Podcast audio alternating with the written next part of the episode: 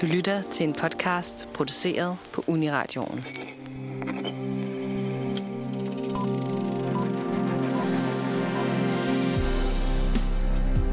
Kongen af fantasy er død. Igen kan man fristes til at sige, og en helvedes masse forsøger at tilrende sig tronen. Efter Game of Thrones satte standarden for must-see fantasy-serier, har der været en indædt kamp om, hvem der skal overtage det ærefulde værv som streamingverdens nummer 1. Netflix The Witcher har lavet et ihærdigt forsøg, men nu er der kommet en ny potentiel tronraner på banen i form af Amazons The Wheel of Time.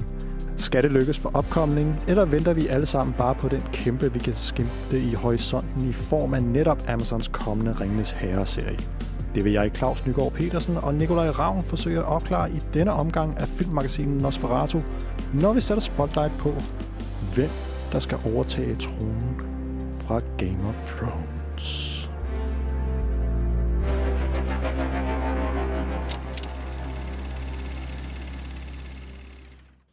I dagens program skal vi som sagt se, hvem der kan overtage tronen som den nye store fantasy-serie efter Game of Thrones, som jo utvivlsomt har lagt et meget, meget hårdt beslag i hele tierne på at være sådan serien, man skulle se.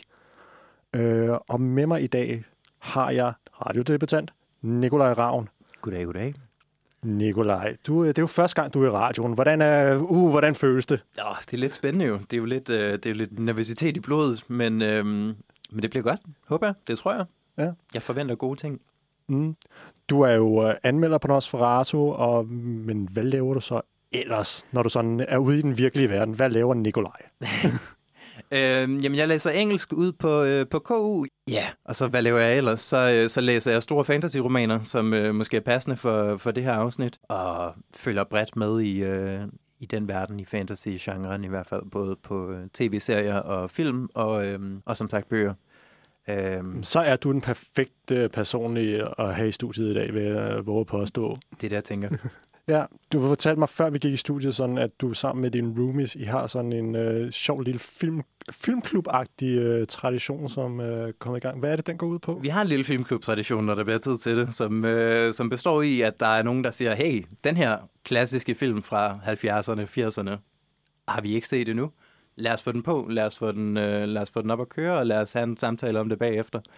Øhm, som er sådan, jeg synes, at nogle film bør, øh, bør ses med, med mulighed for at, at diskutere dem, og mulighed for at, at sådan, øh, tolke lidt på dem, og tale om forskellige, forskellige indgangsvinkler, og hvad man kommer, kommer til det med.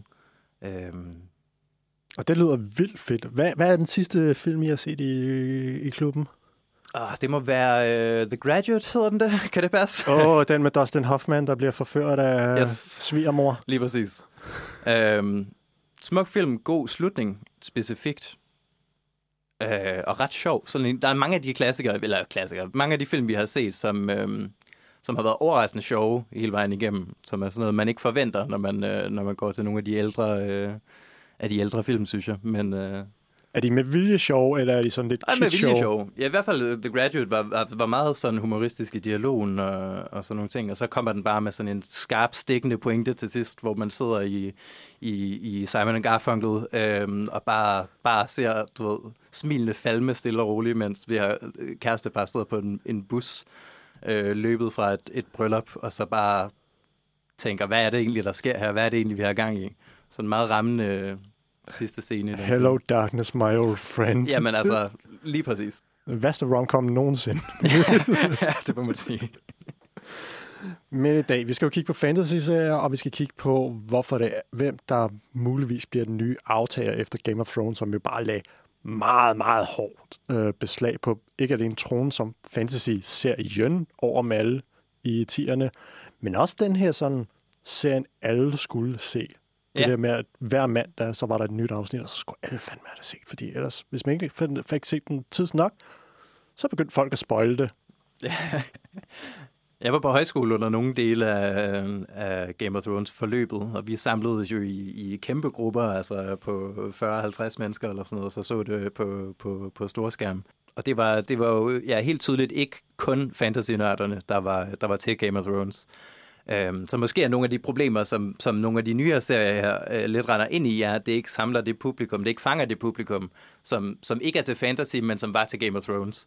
Øhm. Mm, fordi det blev mere et kulturfænomen, så det er en bred, kom ud og, og appelleret mere bredt. Det var et kulturfænomen, og så har det også bare øh, en tendens til at bryde nogle af klichéerne. Altså, det var jo, folk talte jo meget om øh, til at starte med i de første par sæsoner, at, at Game of Thrones var ligesom, ah, selv hvis du ikke kan lide fantasy, så, så kan du godt lide den her. Ikke? Der var mange, der blev hævet ind på den, tror jeg. Mine forældre har set det, øh, og rører ikke genren ellers. Øh, det kommer vi til at snakke meget mere om senere, fordi det var nogle rigtig gode pointer, du kom med der. Men øh, dem går vi mere dybt med, fordi vi skal jo snakke om, som sagt, fantasy-serier. Vi kommer jo selvfølgelig til at fat, tage fat i elefanten, vi kan, snakke, vi kan undgå i lokalet, Game of Thrones. Og så tager vi Netflix The Witcher, en lidt anden slags fantasy, øh, men det kan vi komme lidt nærmere ind på. Det, nogen kalder den uh, Game of Thrones bare uden den intelligente del. så vil vi kigge lidt på, hvorfor det er, der måske er de her problemer med at oversætte store, succesfulde fantasy-romaner til et andet medie. Og så vil vi jo selvfølgelig kigge på anledningen til, at vi overhovedet laver det her program. Amazons den nye The Wheel of Time, som jo er en gigantisk satsning, dog ikke lige så stor som den, som kommer med cirka et års tid, nemlig Amazons Ringnes Herre-serie, øh, som også et eller andet sted bare virker som en... De forsøger i hvert fald at køre den meget hårdt, som om det er en ny Game of Thrones. Det er sådan en, alle bare skal kunne se, og det er også en, et kendt øh, værk, som men et eller andet sted allerede på en eller anden måde har et forhold til, blandt andet på grund af Peter Jacksons film. Så det bliver spændende, men hvad, hvad, hvad, fanden der kommer til at ske, det er ikke til at vide, men vi vil forsøge at kloge os lidt på det. Og så vil vi også lige kigge på selvfølgelig nogle af alle de andre fantasy-serier, som er jo blomstret op sådan, som små skud over det hele. Ja, som underdogs, der prøver at tage tronen fra, øh, fra Game of Thrones. Præcis, men bliver de slået ned hårdt og brutalt, eller er der nogen, der får lov til at leve et lille bastardliv rundt omkring? det bliver ikke bedre end det i hvert fald. det er det. Okay.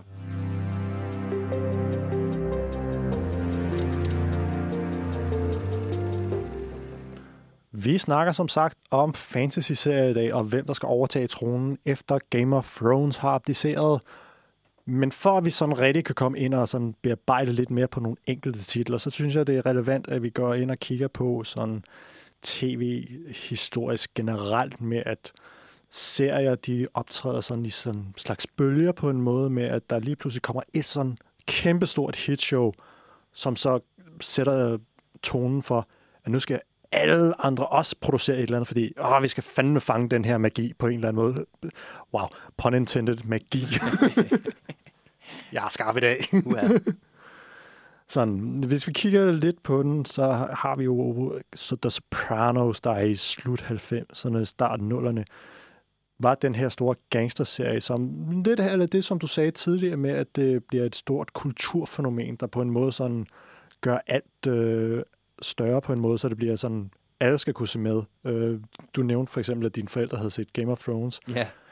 Øh, hvordan er det, du, gangsterserier, er det noget, du har været inde om, eller er det noget, du sådan har hørt om? Jeg har hørt om det i hvert fald, og Sopranos føler jeg har ligesom ry for at være, øhm, øh, for at være den tv-serie, der ligesom startede den her moderne bølge af tv-serier, der, der kan noget, ikke? Øh, hvor man ligesom før har været mere ude i, i jeg ved ikke, sitcoms og daytime tv og, øh, og reality tv og sådan nogle ting, så har Sopranos ligesom startet den her kultur for, at man laver de her lange, øh, jeg vil sige historiske, det er nok ikke det rigtige ord, men, men fortællende øh, serier med, med sammenhængende plots over flere sæsoner. Ja, det føler jeg ligesom, Sopranos har været, har været inspirationen til meget af det. Øhm, jeg ved ikke, om den har skabt en sådan kæmpe gangster-serie-bølge, det er ikke over, må jeg sige. Nej, men der har du, der har du, en, øh, der, har der, der har du en stor serienørd herovre her. øhm, ja, det er måske så meget, må, måske er det, måske overdriver også lidt, når jeg siger gangsterbølge, men i hvert fald den her øh, trope med sådan øh, indebrændte mænd, som på en eller anden måde har en eller anden øh, lyssky beskæftigelse, samtidig med, at de skal agere sådan på i det normale samfund på en eller anden måde. Vi, Breaking Bad for eksempel. Øh, Jeg skulle til at sige, Breaking Bad er jo, øh, er jo praktisk talt en, gangster, en gangsterserie, hvis man, øh, hvis man skruer lidt ned for sådan, øh, øh, det visuelle element af, af, af, gangster, øh, af gangsterserierne. Så er det jo ja, så er det jo det, vi er ude i i virkeligheden i Breaking Bad også. mm. Vi har også alle de her overnaturlige serier, der lige pludselig begynder at poppe op. Zombie er blevet lige pludselig en kæmpe ting med øh, The Walking Dead, som efterhånden er blevet en parodi på sig selv. Ja, det, Men ja, så lige pludselig, der kommer Walking Dead, bliver en kæmpe succes. Øh, og så ser man alle mulige sådan små opblomstrende zombie-serier, der er på anden Mhm. mm-hmm. mulig overnaturligt med, med sådan, nu skal vi have noget gys, fordi det, og det kæft, det er sgu det, folk åbenbart vil have. Tror du, at når, folk, når tv-stationer ser sådan noget, streamingtjenester ser sådan noget der med, at noget bliver populært, så er det sådan, nu skal jeg bare sætte alle mulige ind på at lave så meget som muligt af det. sådan føles det i hvert fald. Det er jo en, en, en lektie, man kunne lære i, i alle medier, og en gang hver femte år, når der kommer en ny populær ting op, øh, som de derefter alle sammen kopierer, og ikke rigtig matcher øh, nogensinde nærmest. Øh, jeg synes, Walking Dead er, interessant i forhold til fantasy-genren, fordi den er jo altså praktisk taler den en del af det. Så, så vidt som, som Harry Potter og sådan noget er en del af fantasy-genren, så, så er Walking Dead der også involveret i hvert fald. Øhm, men det, der er interessant ved det, er, at øh, de nye serier, dem der er Game of Thrones og følgende, som er ligesom taget for de her episke fantasy, de her helt, øh, hvor vi er ude i en, i en anden verden end vores egen, de render ikke ind i det problem, som Walking Dead render ind i, hvor de bliver en parodi af sig selv så tit, fordi det ligesom er, de har de her lange serier, de har de her lange serier skrevet i forvejen, øhm, som, altså, man ikke ligesom render ind i Walking Dead-problemet, hvor man har 10 sæsoner lige pludselig, og, og en gang om året skal skrive en helt ny, øh, en helt ny sekvens og en helt ny øhm, øh, plotline, øh, og få den øh, sådan presset ned over zombie-modellen øh, i, i Walking Dead her. Ja, der, det, det, det, det var det pussy, og en af de andre pussy ting ved Walking Dead, nemlig, det er, at den baserer jo på en tegneserie, som rent faktisk når at blive afsluttet, før serien, tv-serien bliver færdig. Så nu kører de sådan lidt i, på en måde i tomgang, enten fordi de ikke ved, hvordan de skal slutte serien, eller at de sådan på en eller anden måde sådan prøver at halte sig vej hen på en nogenlunde slutning. Fordi måden, som comic book slutter på, det kan de ikke gøre i tv-serien, fordi der er nogle meget, meget vigtige personer, som lige pludselig er fuldstændig væk. Så det er en umulighed. Der er jo så sådan, men hvis vi går videre til en anden trend inden for tv-serier, som også er begyndt at blomstre op, især med streamingtjenester, det er superhelteserie, hvor vi har de her store Marvel-serier, som lige pludselig begynder at blomstre op. Vi har øh, DC-serier, som kommer i kølvandet på Batman. Store biograf-blockbuster, som går ind og har indflydelse på, hvad der så bliver udbudt. Det er jo selvfølgelig også, at Disney, de jo ejer alt Marvel, så de vil jo gerne have noget ud af alle deres øh, mange øh, ejendomme på den måde. Øh, og jeg tænker også, at det er måske noget, som indflyder sådan, hvis man har en, egen, en uh, property, som du talte om før, så vil man have maksimum ud af den, og så for eksempel prøver man lykken med en tv-serie. Er det noget, du øh, også vil give, ret i, eller, er det, eller har du et fuldstændig, øh, nej Claus, du har fucking fejl. Øhm, nej, Claus, jeg tror, du har ret. Øh, Ah, det du mig. Øh, oh ja. Øhm, specielt når, når Disney ligesom prøver at konkurrere med Netflix også på det sidste. Ikke? De skal ligesom fylde deres øh, streamingtjeneste med, med et eller andet. Øhm, så det giver selvfølgelig mening, at de, at de ligesom kaster så meget øh, efter væggen som, som muligt. Øhm, Ja, og handler det så om, at man laver noget kvalitet, eller handler det om, at man bare får noget content ud, som måske så rammer eller ej? det slår mig, at med, i hvert fald med Marvel-serierne, at, at, at du ved, jeg synes, som mit indtryk af det, er, at vi havde nogle gode serier til at starte med i, øhm, i form af Jessica Jones, og den forrige med den blinde, som jeg har glemt, hvad hedder. Uh, Daredevil. Daredevil, ja. Øhm, og så synes jeg ikke, man har hørt så meget om, om de serier, der er kommet ud efter det. Jeg så selv det første sæson af Jessica Jones, og, og, og synes, det var ret godt egentlig. Øhm, men jeg ved ikke så meget om de, om de nye her, om de rigtig kan, kan leve op til, øh, til deres forgængere. Ja, det er jo en pudsig ting, fordi de nye, de er jo blevet, de er mere connected til filmene på den her måde. Til Marvel, ja, det er Ja. klart. Med, hvorimod de andre, de var sådan lidt mere sådan enkelstående fortællinger i et øh, lidt andet lukket univers på en måde, hvor mm. de havde noget et eller andet indbyrdes. Så men en interessant pointe med, at man netop gør det, som du øh, nævnte. Men ja, der er jo de her sådan trends, som på en eller anden måde sådan påvirker resten af tv-landskabet. Gerne med sådan en blockbuster-titel, enten i form af noget film, øh, som på en eller anden måde går ind og påvirker, eller en serie, som simpelthen sætter dagsordenen for, hvordan skal samtiden lige se ud. Sådan de næste fem år, som du taler om. Det ja. er sådan den, den cykel, cyklus, de normalt kører i. Øhm, og det synes jeg egentlig, vi har fået vendt rigtig godt.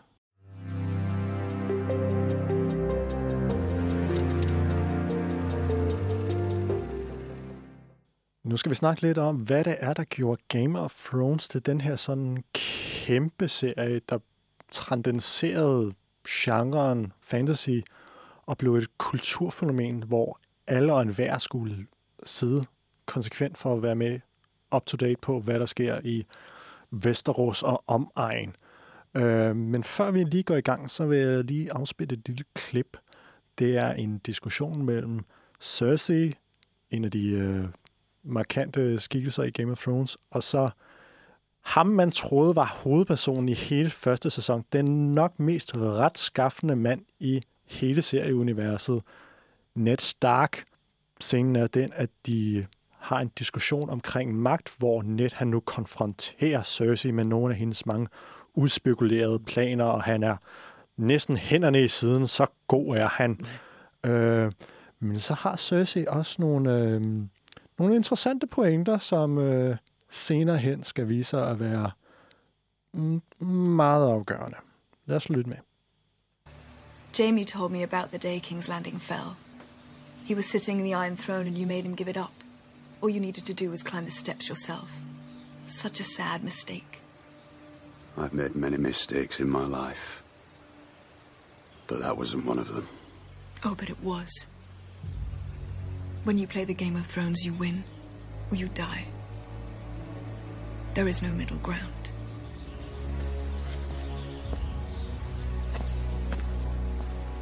Og så går man væk på det mic drop. Enten så lever du, eller så dør du.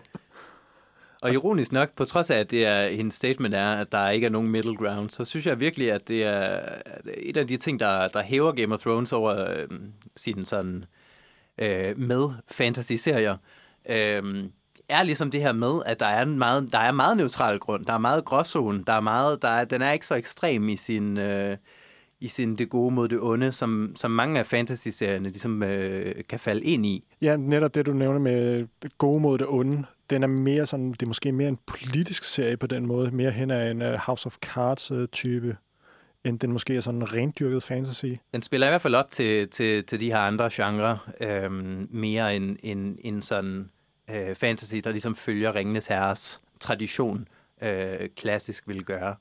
Øh, jeg tror, det er det, der har, det er det, der har solgt mange mennesker på den til at starte med, er ligesom at du går ind med en forventning. Hvis du ikke er en fantasy-person, så er det, du har set af Ringenes Herre, ikke? det er det, du kender til. Mm-hmm.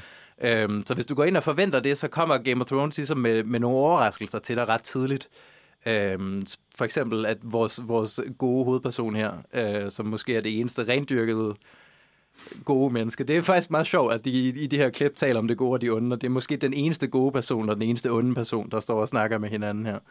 Øhm, ikke den eneste onde person, den var der lidt flere af. Mm. Men, øhm, men den, den starter jo, Game of Thrones starter jo også ud på sådan måske en lidt klassisk uh, fantasy-vis, ved at vi har sådan, vi er dybt inde i en sådan sneklædt skov, og så lige pludselig så er der nogle døde mennesker, der ligger rundt omkring og så lige pludselig så lever de døde mennesker op igen. Det var bare sådan en klassisk fantasy-åbning på en eller anden måde. Apropos Walking Dead i hvert fald, er det, meget, øh, det er jo meget, øh, ja, Øhm, ja, den, den konkrete åbning er, sådan, er ret ude i, i, i det fantastiske selvfølgelig, med de her øh, døde kroppe med lysende blå øjne, der, der dukker op ude i skoven her.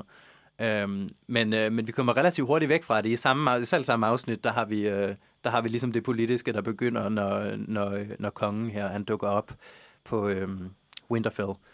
Øhm, og og, og vi, vi får ligesom gang i de her politiske spil meget, meget hurtigt. Øhm, på en anden måde end, end sådan noget som, som Witcher, øh, som senere, som også har noget politik i sig, men, men holder det godt skjult i, i løbet af første sæson. Ja, den, øh, den, øh, den skal vi nok få... Øh, den når vi henover os. Den øh, skal vi op øh, hårdt øh, lige, om, lige om lidt.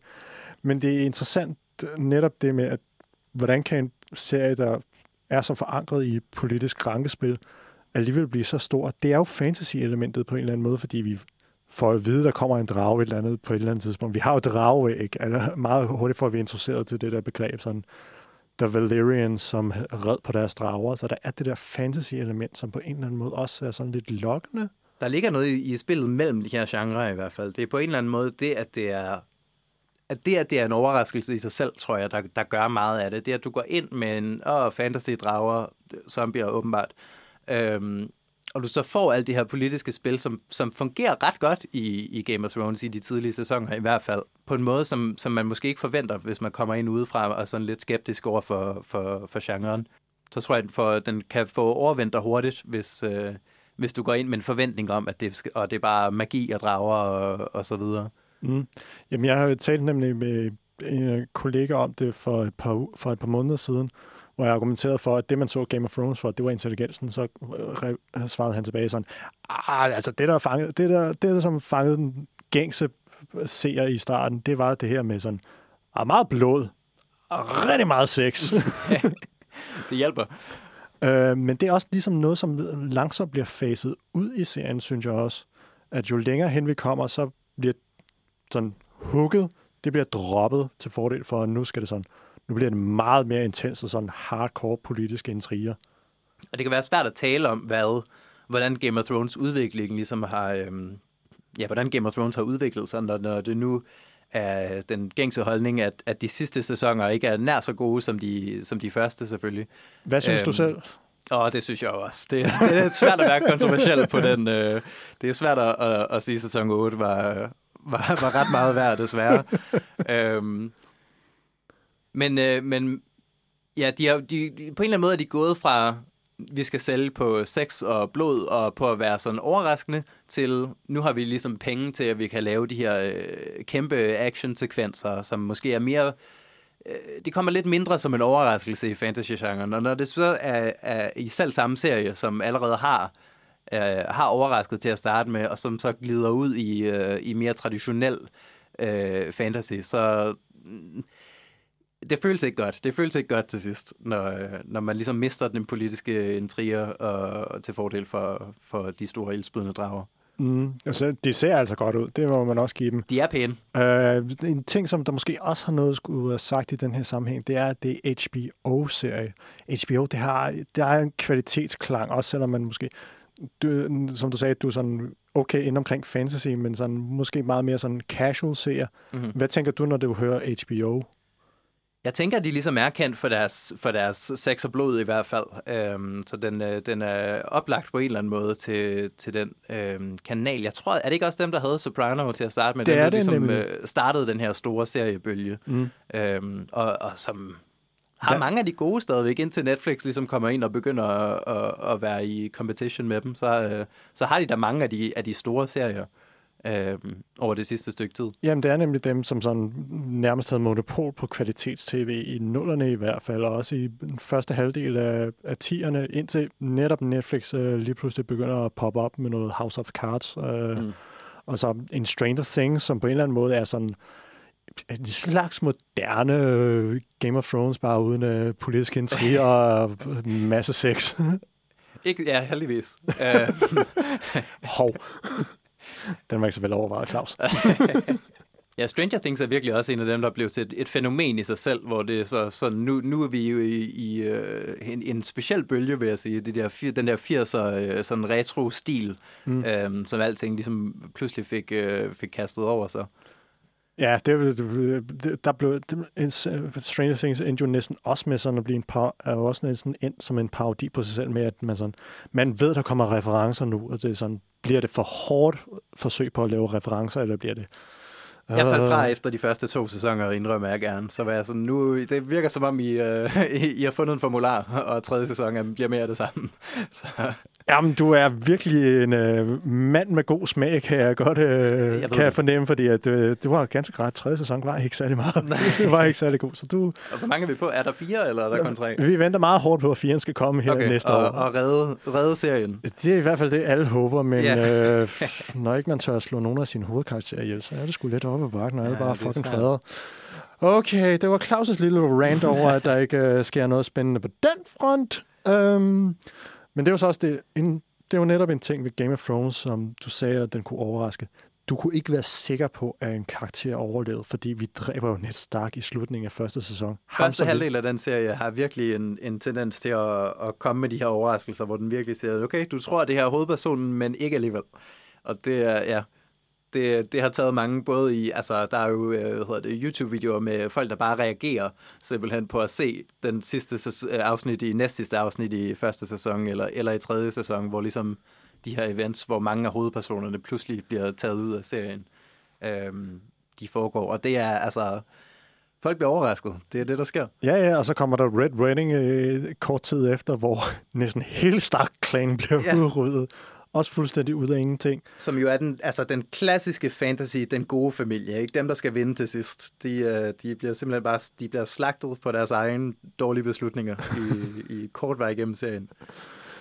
Det er jo fantastisk, og det, mm, jeg tror, vi kan konkludere, at det, som der gjorde den her til noget særligt, det var, den havde det her sådan indbygget publikum allerede i fantasy, så havde den det her sex og blod, som sådan kunne tiltrække sådan en casual seer, og så havde den det her sådan mere intelligente politiske smedespil øh, lag, som gjorde, at når først man var kommet ind, så var man nødt til at blive hængende, fordi der, hvordan afsluttes det her?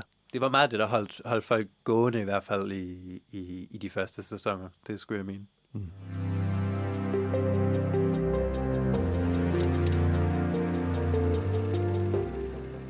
Nu skal vi tale lidt mere om en af de nyere serier øh, i fantasy-universet. Netflix's gigantiske blockbuster, The Witcher, som på en eller anden måde er lidt noget andet end Game of Thrones. Øh, men det kommer vi lige lidt nærmere ind på efter, den her, efter det her klip fra traileren til anden sæson, som på en måde meget godt sætter tonen for, hvad det er, vi skal ud i, og hvilken øh, hvilken tone serien befinder sig i frem for Game of Thrones. Something has changed, Geralt. The world's acting strange these days. The North and South at war. Monsters roaming when they should be hibernating. Maybe it's the end of days. Are you willing to sacrifice your life? I've lived through three supposed end of days. It's all horseshit. Smuk karakter, Geralt. Ja, da- kan du lige prøve sådan en kort ris op, hvad The Witcher handler om? Ja, det kan jeg. Øhm, noget af det, der er interessant ved The Witcher, er, at Witchers bredeste publikum kommer faktisk ikke fra den bogserie, som øh, tv-serien er baseret på, men fra en serie af spil, øh, computerspil, som faktisk ikke har noget plotmæssigt at gøre med hverken bøgerne eller, øh, eller den, øh, den tv-serie, vi har, øh, vi har med at gøre her. Øhm, og det giver sådan lidt en interessant dynamik, fordi folk ved ikke, eller folk hiver øh, forventninger ind fra, øh, fra den her spilserie, som altså ikke sådan set har, har ret meget med, med hverken tv-serien eller bøgerne at gøre. Øhm, det, der er interessant ved The Witcher, er, at den første sæson, den har lidt en tendens til at, at føles episodisk. Der er mange sådan nogle øh, Monster of the Week-stil afsnit i, i første sæson af The Witcher. Øhm, og det er der sådan set også i den første bog af The Witcher. Øhm, men serien som helhed er faktisk lidt af det her politiske spil, som, øh, som Game of Thrones øh, ligesom har solgt sig selv på også. Øhm, så jeg vil egentlig sige, at Witcher er en udmærket kandidat, hvis vi giver den lidt tid, hvis den får en chance, hvis den får, øh, hvis den får penge til at overleve. øhm, er der en vis chance for, at, at den godt kunne komme op og, og kæmpe om den her øh, Game of Thrones trone, som, øh, som alle fantasy-serierne går efter lige nu? Men tror du, det er seriens ambition, eller vil, eller vil den være sådan lidt mere, som du siger, Monster of the Week, øh, splatterblod? Det er det, der er, er spørgsmålet, ikke? Fordi en af de ting, man kunne have, hvis, man, hvis jeg stod for serien, og jeg gerne ville have den til at være øh, Game of Thrones efterfølger og være politisk på den måde, så havde jeg nok snedet det ind på en eller anden måde i, i første sæson også, også selvom det ikke er, er, er øh, trofast ifølge øh, bøgerne nødvendigvis. Så det er svært at sige, om, øh, om, om de har tænkt sig at gøre det fremover, eller om de, øh, eller om de holder til den stil her, og så siger, hvis du vil have den, den bredere politiske historie, så må du læse bøgerne eller, eller spille spillene. Mm. Øhm, Hvordan synes du, den fungerer sådan som bare seriesening? Den er blevet et kæmpe hit. er den blevet et kæmpe hit? Den er blevet, det, okay. det, det, det, det, det, det, der er mange, mange mennesker, der er glade for at se uh, Henry Cavill som uh, en uh, badass uh, Witcher, der går og Han er også en flot fyr, så Han- det kan, han man, er en meget ikke, flot øh, det fyr. kan man ikke holde mod dem.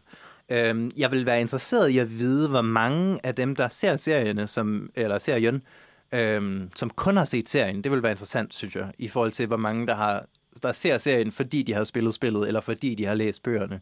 Øhm, det vil være, ja, det ved jeg ikke, om man har mulighed for at finde ud af, men det kunne være interessant i hvert fald. Øhm, jeg vil sige, at jeg synes, serien var, var rimelig god, faktisk.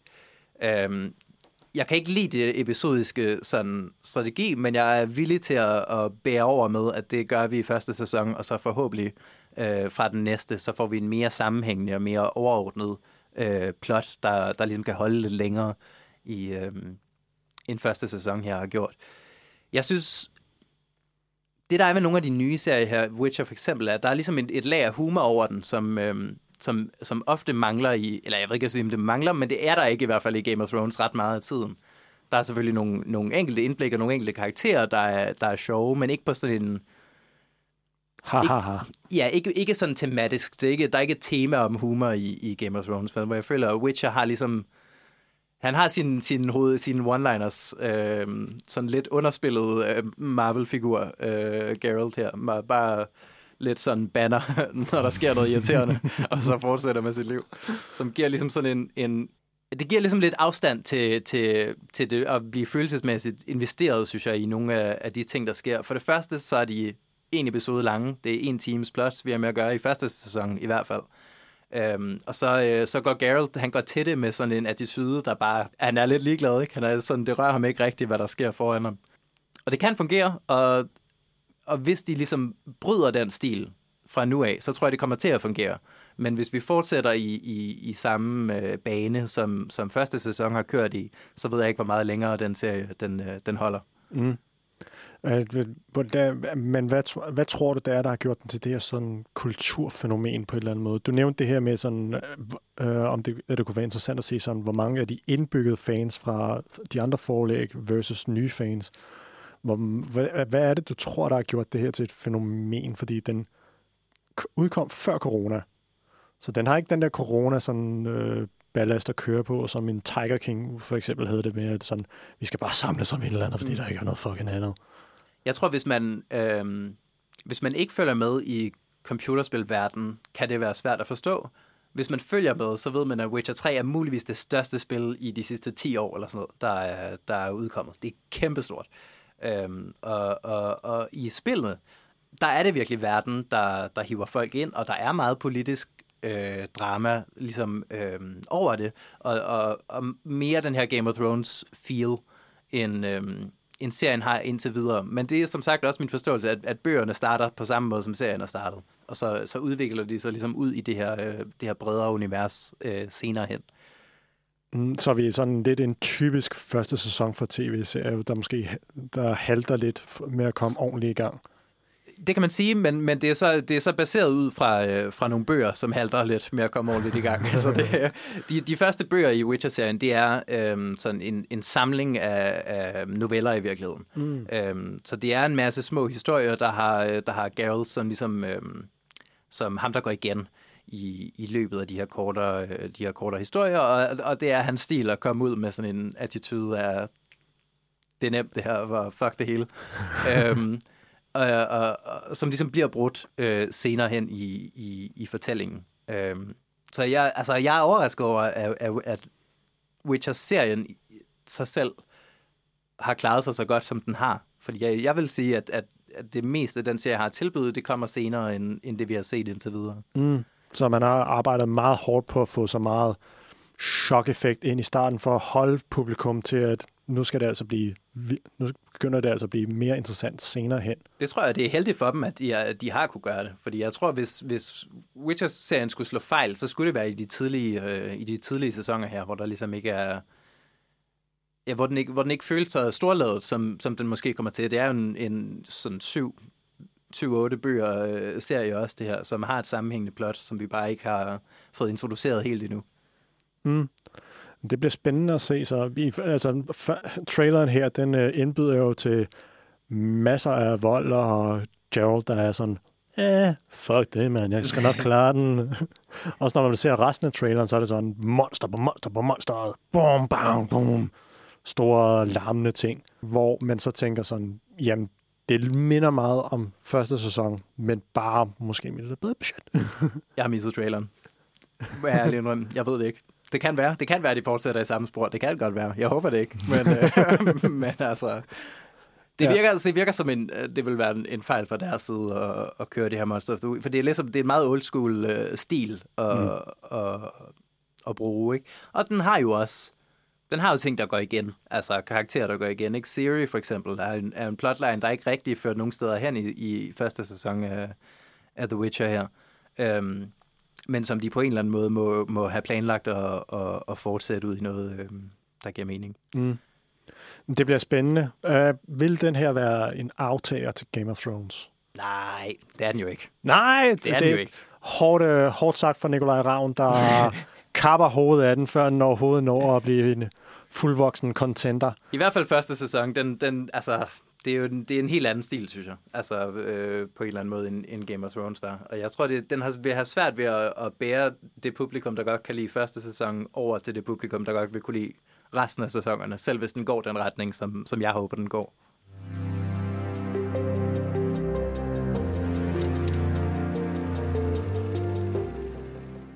Efter at have gennemgået Champion, Game of Thrones og en potentiel udfordrer i The Witcher, går vi nu videre til den nyeste spiller på banen.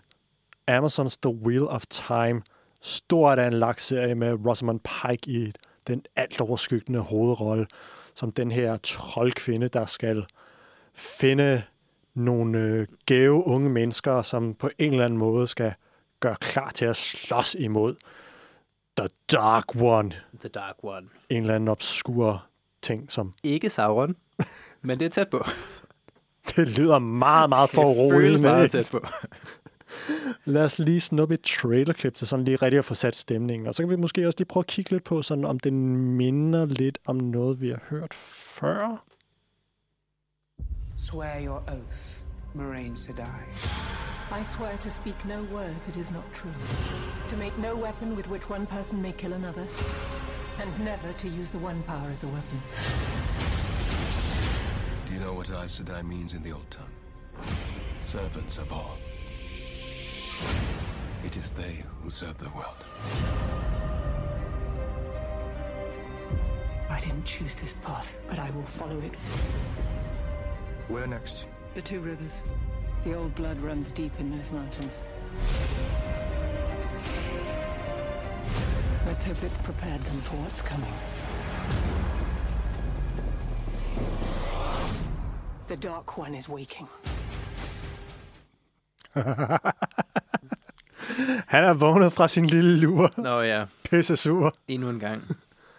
Meget, meget fokuseret på øh, Rosamund Pikes karakter, øh, Moraine, øh, i forhold til det, vi rent faktisk ser i serien.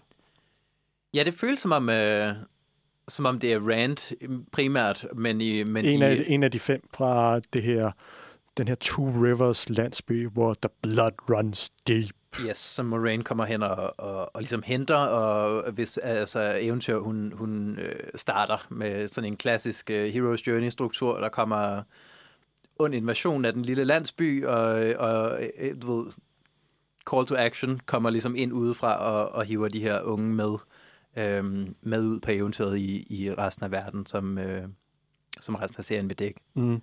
Og grund til, at netop de her, de er udvalgt, det er, at de er...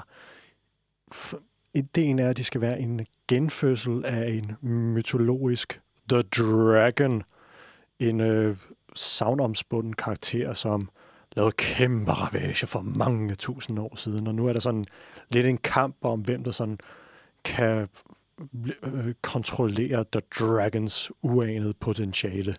en af øh, sådan, de gennemgående koncepter ved Wheel of Time, og det den lidt er navngivet efter, er den her øh, rotation, der ligesom kører i, i historien.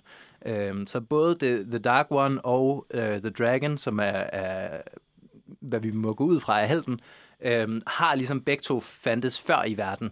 Og nu skal vi nu er ideen, at vi skal ligesom opdage, hvem er den her dragon, som skal kæmpe mod The Dark One, når han vågner igen. Så de kører i de her cykluser, som, øhm, som hjulet ligesom øh, skal symbolisere. Mm. Og det er en lidt, en pusset ting, det der, du siger med hjulet der, fordi der er jo også noget underligt tidsting i det her, fordi der er jo nogle gamle bygninger, som ser fuldstændig faldefærdige ud, men ligner forholdsvis moderne bygninger, der bare er gået fuldstændig forfald, så der er sådan lidt med sådan hvad er det for noget tid, vi bevæger i? Der er også nogle romerske viadukter lige pludselig, der dukker op i landskabet. Og det er nemlig noget med, at, øh, at det, det foregår på jorden, teknisk set, men i, i langt ude i fremtiden. Så det er en af de der, øh, sådan, ja, jeg var ved at sige Star Wars, men det er jo lang tid tilbage i virkeligheden. øhm, men det er sådan en, øh, det er en klassisk fantasy move også, at ligesom sige, oh, det var ikke en fantasy-verden, som du troede. Det er jorden, men øh, om lang tid. Åh, oh, så det er sådan sci-fi fantasy hybrid på en eller anden måde. Lidt. En lille smule. Jeg tror ikke, der er noget sci-fi rigtigt. ikke af de sådan klassiske elementer i hvert fald. Men det er jo, altså, hvis det er i fremtiden og på jorden, så er det vel på en måde sci-fi, vi er ude i. Mm. Øhm, ja, jeg ved, du ikke var vildt glad for, øh, for, for Wheel of Time her. Vi har set de første seks afsnit. Vil du fortælle om, hvad, hvad udfordringen øh, består i? Åh, oh, for helvede. Skulle jeg tage den? Jamen, det er okay. um, den starter meget, meget, den er meget, meget klassisk. Også ja. for klassisk, hvad godt er. I forhold til de to andre, vi har nævnt, så er den mere sådan hen, måske lidt The Witcher i sådan starten med bare uden så meget sex og blod, noget af alt det, som skal indfange ind. Det er meget øh, sovs og kartofler. Vi har de her fem personer her, og så har vi Rosamund Pike, der rider rundt på en hest, og alt overskyggende hovedrolle, som man ikke kan undgå at lægge mærke til. Det er Rosamund Pike, det der, i forhold til alle andre det er, det, det er for mig et af de store problemer allerede der, det er, at jeg har en så stor skuespiller, at jeg bare ikke kan undgå at lægge mærke til, at det er skuespilleren, der er der, og så ja. ikke nogen af de andre. Men ja, der er det her med, at øhm, for det første så ser den ikke særlig godt ud. Den har et, øh, øh, rygterne siger, at den har et budget på 10 millioner per afsnit, Ja, man kan, ikke, man kan ikke altid mærke det. Det kan man godt nok ikke. Specielt magien, synes jeg, har virkelig nogle... Altså, den halter lidt, når, vi, øh, når det bliver slow motion lige pludselig, og hun sådan, øh, Rosamund står og danser på, i, den her, i midten af den her by, og, og ja, der flyver, nogle, der flyver nogle meget farverige sådan magi-ting rundt, men ja, det er ikke, det er ikke sådan imponerende i hvert fald i, i sig selv. Nej, og apropos det, du siger med, fordi det er sådan første store gang, vi sådan ser hende udfolde sine kræfter, hun sådan starter med noget ild og så noget lyn, og så kommer den helt store ting. Hun skal bruge alle sine kræfter, sådan virkelig tage sig sammen til det. Og hvad er det så, der sker? Ja, så, øh, så kaster hun nogle sten efter de her dæmoner, der invaderer dem, og de vælter alle sammen. Og så til, hun ødelægger en bygning også. Bygningen falder ned bag ved hende, fordi hun kunne ikke skabe nogle sten at kaste, så hun kunne skabe ild og, og torden. Hun samlede dem op og kastede dem efter dem. Så ja, Lidt en flad fornemmelse. Sådan. Det var lidt. Det, det er sådan det helt store. Man forventer en eller anden sådan kæmpe magisk, øh, et eller andet måske portal eller noget, jorden, der opsluger med eller et eller andet. Mm. Men nej, det bliver bare slangebøs uden slangebøs. Ja. Ja, og selve, altså den invasion også kommer også, den kommer meget ud af ingenting, de her dæmoner, der dukker op, og så er de også, de ser meget klassiske ud også, ikke? Altså det er meget sådan nogle... Det kunne godt være nogle ork rejects fra Ringnes Herre. Det kunne det nemt være, med en, en lille en tur forbi en, en sådan vægmaleri af, af en djævel fra, øh, fra en kirke et eller andet sted. De har sådan nogle lidt øh, religiøse tegn også, men, men ja, ser meget almindelige ud på en eller anden måde. Ja, øh, de ligner sådan lidt et øh, hybrid mellem et menneske og et øh, vildsvin. De hedder Trollocs. ja, ja, ja, gris var det, jeg tænkte på også, ja. Og så med nogle, med nogle horn i panden, mere eller mindre. Så, mm. øh, så har vi dem klaret. Djævelske grise. Det er det, vi er ude i. Øhm, men en ting er en visuel ting. Vi kan ikke se det her sådan efter sine store budget. Handlingen, den er også noget gumbetung at komme i gang med det tager den noget tid at, at komme op. Og det er også en af, altså selv i fantasy-genren, uh, Wheel of Time har 14 bøger, og det er en af de, de største, vi overhovedet kan komme i nærheden af. Så man kan sige, øh, om man kan tilgive den for at, at starte ud lidt langsomt. Øh, der er også en, en argument, der hedder, at, at en af charmerne, ligesom ved fantasy-genren, er, at det tager den noget tid at komme i gang, og du ligesom kommer ind under huden på, på de her karakterer, før du rigtig er med på, hvad er det egentlig, der skal ske i plottet her. Øhm, så hvis jeg, skal, hvis jeg skal spille forsvar for, øh, for, øh, for serien her, så vil jeg sige, at den, den fungerer, den hænger sammen, plottet er velkendt, hvis du, hvis du, i hvert fald hvis du kender fantasy-genren, men selv hvis du ikke gør, er der mange ting, man ser, både øh, enkelte klip og, og bredere plothandlinger, som, som du har set før. Øh, jeg tænker specifikt nu på en, øh, der er en scene med en af de onde karakterer, som er en præst i klædt i helt hvidt, øh, som er, er i gang med at torturere en, øh, en, en, han har fanget, en af de her Aes Sedai øh, hekse, kan vi kalde dem. Mm. Øhm, og der var bare en, en, den sluttende scene på den, hvor han ligesom, hun skriger, men den zoomer ind på hans ansigt, øh, og han tager sådan en, en ond slurk af en ond pokal, og så sætter den ned ondt bagefter, ikke? Og man er sådan lidt, okay, det, var, det, det eneste, jeg har fået at vide, er, at han er ond, og så, du ved, så gør de, han de onde ting. Alt, hvad han gør, det er ondt. Pokalen er ond. Pokalen er ond, den er ond. Der er ikke nogen, der tager en slurk af en pokal, uden at være ond. Altså, det hører med. Det er bare, det føles meget... Øh... Er det meget karikeret? Det er meget karikeret, ja. Det føles meget karikeret. Og der er ikke mange karakterer, som er som har den nuance, som de har i, i for eksempel Game of Thrones, og endda i, i Witcher til en vis grad, øh, hvor, hvor både Jennifer og, og Geralt ligesom er nogle karakterer, hvor der er noget at, der er noget at tale om. Øhm, her er vi ligesom tilbage i, i Ringnes Herre-modellen, hvor du er, du er landsbyboer, som ikke har store ambitioner, og så bliver du hævet ind i det her, øh, det her større spil. Der er ikke noget galt med det, men det er heller ikke nyskabende lige frem. Nej, vi er vel blevet vant til, at der skal være noget mere ved en karakter. Den skal ikke bare være sådan profession, bonde, nu helt. Præcis. Og, og, ja, og de er ikke engang sådan de er ikke engang de her sådan gode mennesker, man virkelig kan, kan holde med øh, hele vejen igennem. Jeg synes, der er en, der er en del af det, hvor øh, Rand, som er, tror jeg, hovedpersonen er i, i blandt dem, øh, lidt et røvhul. han er lidt meget et røvhul. Han øh, har et forhold til en, til en af de andre personer, og han er virkelig bare et dumt svin. Ja, ja. Altså, hvis ikke han får, så snart han ikke får sin vilje, så er det sådan, jeg gider ikke snakke med dig. Ja, ja. Du er bare tavlig. På sådan en, en teenage-drama-måde, som er ja, det er bare lidt træt. Altså, det er bare ikke... Øh, det, han kommer over det igen, men det, men det er sådan lidt... Okay, så skal vi igennem den her plotline også, som vi alle sammen godt ved, hvor bærer hen.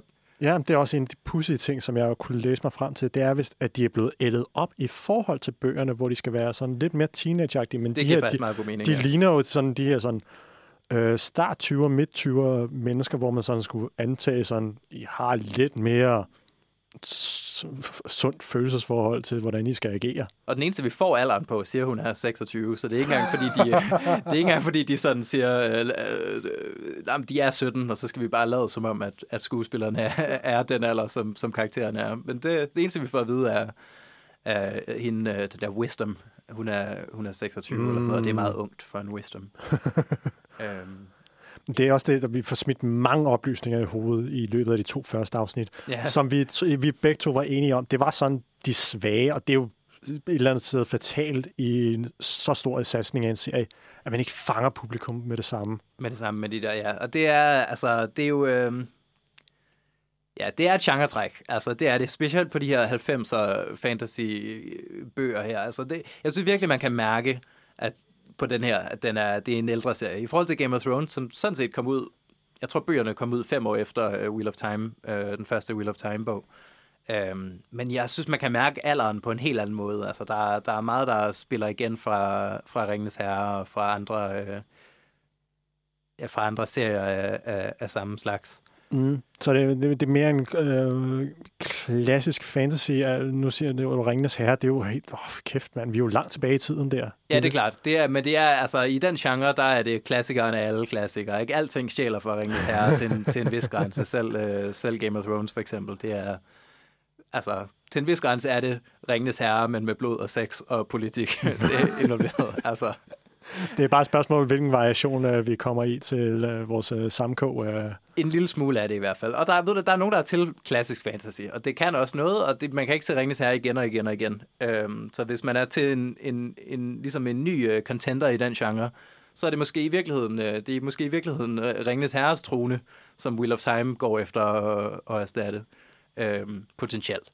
Farligt med serien Upcoming fra, det, det, fra var, samme det, firma. det, jeg, synes, det, jeg synes, det var en interessant pointe, du kommer med der. Men hvad er det så, den her serie, den et eller andet sted skal? Er det bare at udfylde øh, tidsrummet ind til Ringnes Herre-serien?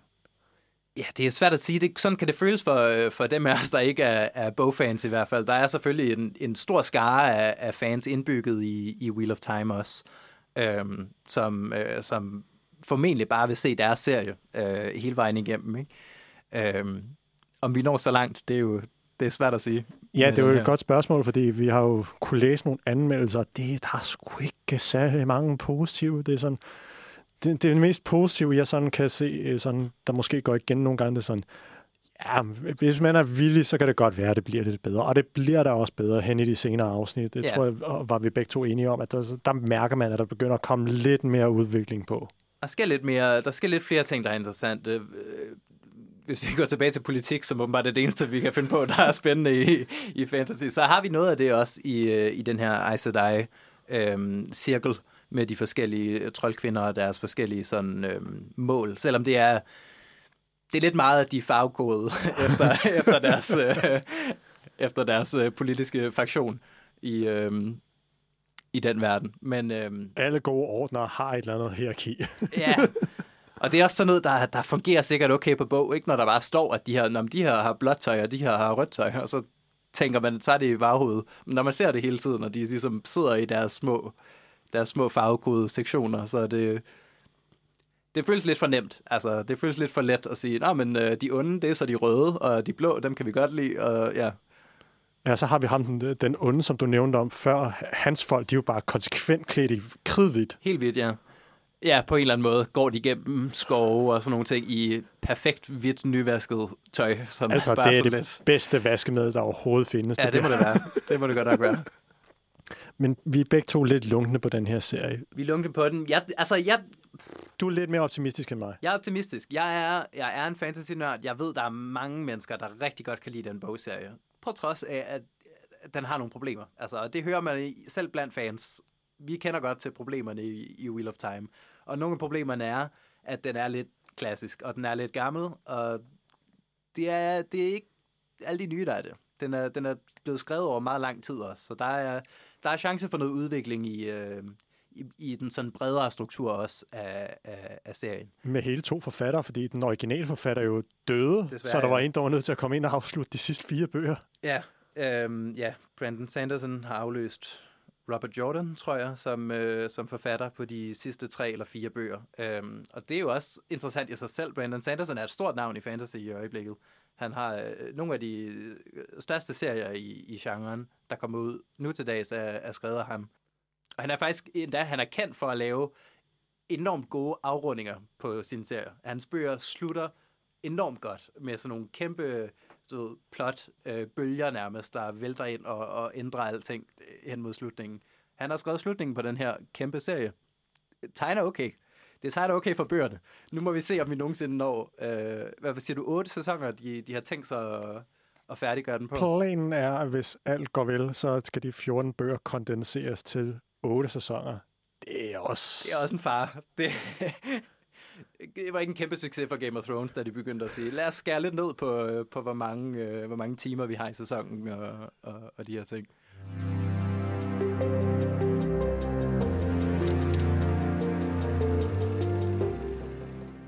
Vi har nu gennemgået to kandidater til, øh, af, som aftager til Game of Thrones. Der er selvfølgelig også en masse andre. Blandt andet var der den fantastiske Netflix-serie Shadow and Bone, Nå ja. som øh, lagde alle hjerter fuldstændig ned i foråret. Jeg er jo stor fan. Øh, ikke sådan... Øh, den, den er sådan lidt mere sådan øh, episodisk på en måde. Lidt mere youth-orienteret. Ja, vi, vi er ude i grene af fantasy, som, som selv jeg ikke læser øh, ja, med, med Shadow jeg, har givet det, jeg har givet det forsøg. Jeg har, jeg har prøvet. Jeg kom ikke igennem det, desværre. Nej, det er okay. Der er jo en kæmpe serie, som vi venter på. På horisonten. Ja. Øh, en milliard dollars er det beløb, som er i spil til den her serie, hvor der allerede er bekræftet to sæsoner, ud af i hvert fald fem, som man satser på, at det hele skal gøres. Ringenes Herre-serien fra Amazon, som ikke er, bliver en direkte ad- adaption af bøgerne. Nej, det er, øh, vi, er, vi er tilbage i, i gammel tid nu. Øhm, Ringnes Herre er jo, altså, hvis der er et navn, der, øh, der, der i sig selv skulle kunne uh, kaste Game of Thrones af tronen, så er det da en, uh, en gentagelse af, af noget, der er fra Ringnes Herre. Øhm, den er jo heldig, den serie, på en måde, at der er skrevet så meget om den serie, som ikke er med i handlingen, at, øhm, at der er simpelthen enormt meget historie at, at tage af i, i det univers. Og det er simpelthen det, vi skal, vi skal til med Amazons Ringenes Herre også, som, øh, som foregår øh, tusindvis af år før, øh, før plottet fra Hobbiten og, og, og Ringenes Herre-filmene. Nu snakkede du om øh, på Wheel of Time for øh, lidt siden med, at den var meget Ringenes Herre i, i sit udtryk. Ja, hvad, er det, hvad, hvad, hvad tror du, der kommer til at ske her? Er vi ude i noget af det samme? Bliver den ringes her eller kommer den til at læne sig mere over i måske noget Game of Thrones? det ville være interessant, hvis de, hvis de moderniserede det. Jeg ved ikke, om universet kan holde til det. Ringnes Herre har også den udfordring, at der er, der er mange fans, og der er mange kæmpe nørdfans, der ved alt. Der ved alt, hvad der sker i det univers, fra, øh, fra det bliver startet til, til, det, til det dør i sidste ende. Øhm, ja. Jeg tror virkelig, det er farligt at, at lege med, med, med de fans forventninger til, hvad Ringenes Herre ligesom handler om. Jeg ved ikke, om du kan have blod og sex på, på samme måde, som Game of Thrones har i en, i en Ringenes Herre-serie. Hvad snakker Øh. du om? Fans bliver aldrig sure, når man piller ved noget, de elsker. Nej, specielt ikke. Altså, fantasy-fans er kendt for at, at, store fans af ændringer, specielt. Hvis, de, hvis du tager ting, der er skrevet i bøgerne, og så, og så bare fjerner det fra, øh, fra filmadaptionen, så øh, ja, det, det nyder de. Ja, det, de står med noget af en udfordring foran sig, Amazon her med, med Ringnes Herre, for der er godt nok der er noget at leve op til, og så samtidig, at det, der er at leve op til, det er lidt gammeldags. Altså, det er lidt, det er lidt en stil, som ikke bliver brugt så meget mere. Um, og så om, om det, vi er ude i et revival nu af, af Ringnes Herre-traditionen, hvor vi er på de gode mod de onde og helte og så videre, eller, um, eller om de prøver at modernisere uh, serien, det er, det er et svært spørgsmål. Jeg ved ikke, om der er et godt, en, en god løsning på det. Jeg har ikke en i hvert fald, men det må vi håbe, at uh, Bezos han sidder med noget i, i ærmet. Det er er jo- i rummet et sted. Det er også interessant, at de lægger We- The Wheel of Time og Ringens Herre-serien så tæt op af hinanden. Ja. Det er jo, man skulle, man skulle tro, at det var noget, man ville prøve at holde sig separat som muligt, netop fordi de er sådan kæmpe store franchises i sig selv. Ja, Så er det- hvis de forventer, at, at begge dele går godt, så kommer der til at være meget overlap jo. Altså, så kommer de til at have, have både første og anden. Altså, de kommer til at have mange af deres sæsoner kommer til at ramme i, i, i forlængelse af hinanden på en eller anden måde. Øhm, så Ja. jeg ved ikke, om de, om de, har, om de er nervøse for at, at ligesom overfodre folk med, med, med den her den her store fantasy øh, episke øh, tradition her. Præcis, det er jo det, vi har talt om tidligere med de her sådan cykler af serier, hvor der sådan lige pludselig dukker bare en helvedes masse op af den samme genre. Mm. Amazon er jo lidt ved at sådan skabe den hurdle for sig selv med, at man lægger så to så markante fantasy-serier så tæt på hinanden med, at netop det, du siger med, at hver sæson nærmest afløser hinanden. Ja. Det var, det var en eller anden måde, det kan jo skabe en træthed, bare når vi er kommet to sæsoner ind i hver sæson.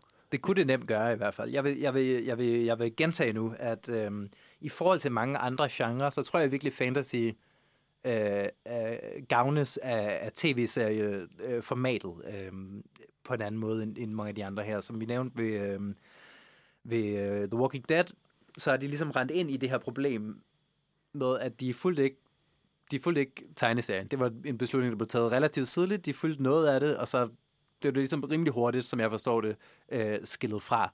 Øhm, og når du tager den beslutning, så skal du selv skrive et show lige pludselig, ikke? Så, kan du ikke, øh, så kan du ikke holde dig til den hele vejen igennem. Men mange af fantasy-serierne, de, de gør så meget, de kan for at holde sig så tæt op af, af, af source material som, som muligt. Øhm, og det giver dem en, en vis chance for at kunne have de her 5-8 sæsoners run, uden at de behøver øh, ty til øh, oh, der kom en, en ny modstander kom ind nu, efter vi klarede den sidste i sidste sæson. Øh, det undgår vi forhåbentlig med fantasy, men altså, det kan selvfølgelig også det kan overgøres, ligesom alt andet. Men Det var netop det, jeg skulle til at spørge dig om, med at vi har adaptioner af de her sådan kæmpe bogsager, de her kæmpe franchises. Men det er fantasy, eller hvor end vi er henne i jeres genre. Er der så også et øh, problem med at kunne adaptere det, hvor, hvor man skal sådan adskille mellem, hvor trofast skal man være, og hvor meget skal man gå ind og pille ved det?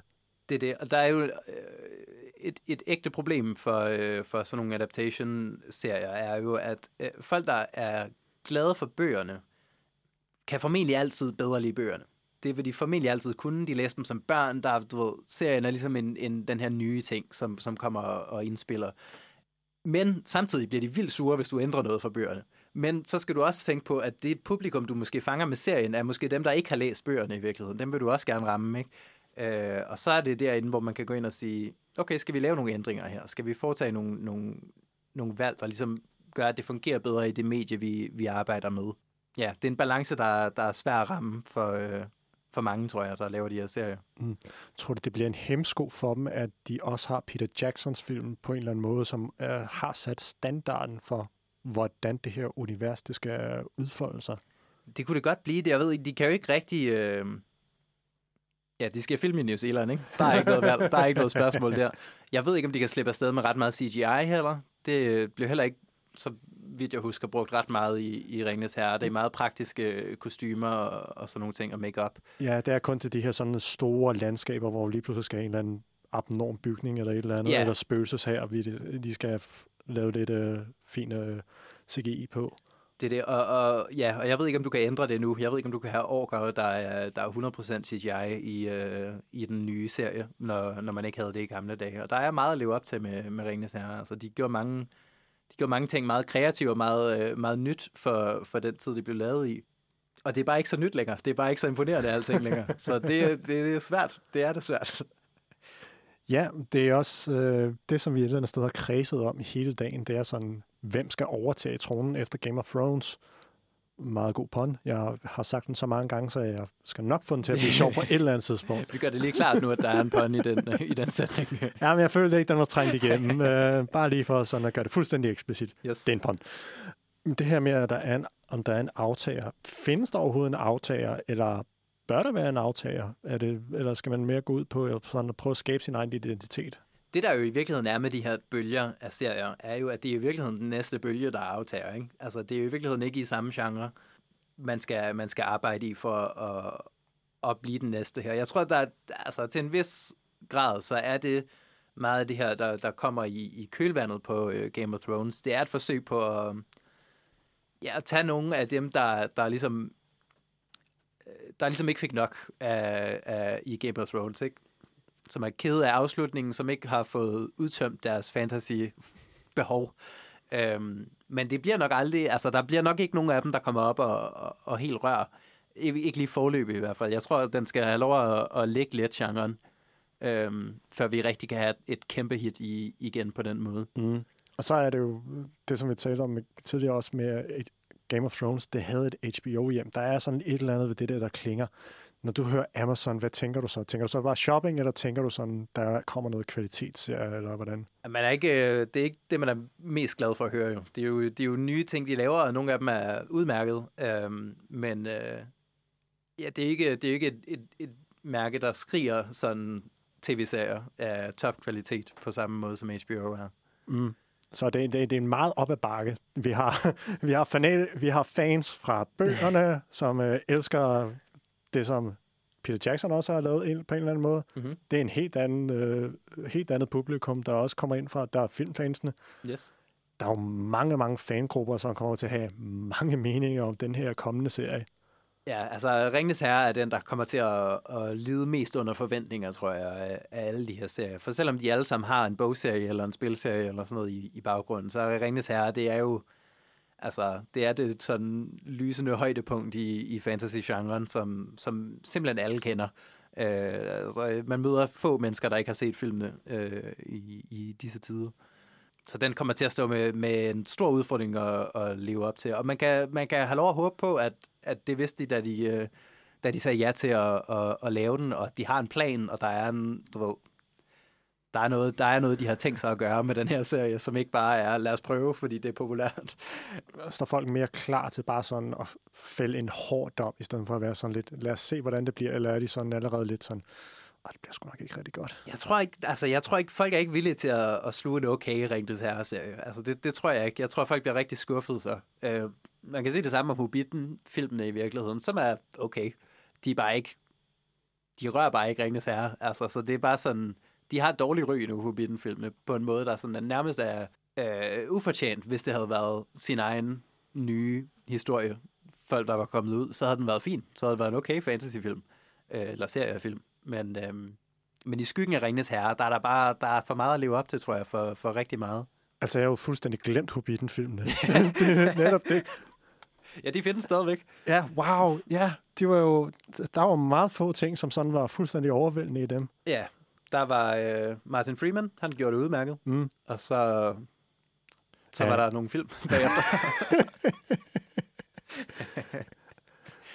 Men jeg føler, at vi efterhånden har fået rundet programmet her med, at vi efterhånden kan konkludere, at der ikke rigtig findes nogen aftager.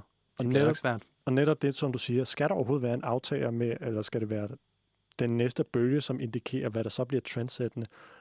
Og så er vi vel, øh, vi, vi, er vi, er vi op, forsigtige optimister på Ringens Herre-serien, eller er vi sådan lidt, uha, Jeg er forsigtig optimist på, øh, på alle serierne i virkeligheden. Øh, jeg tror, men der er, det, er en, det er en genre, der godt kan redde sig selv efter en, en, øh, en, en okay eller dårlig første sæson. Jeg tror på, øh, jeg tror på comebacket for, for alle sammen.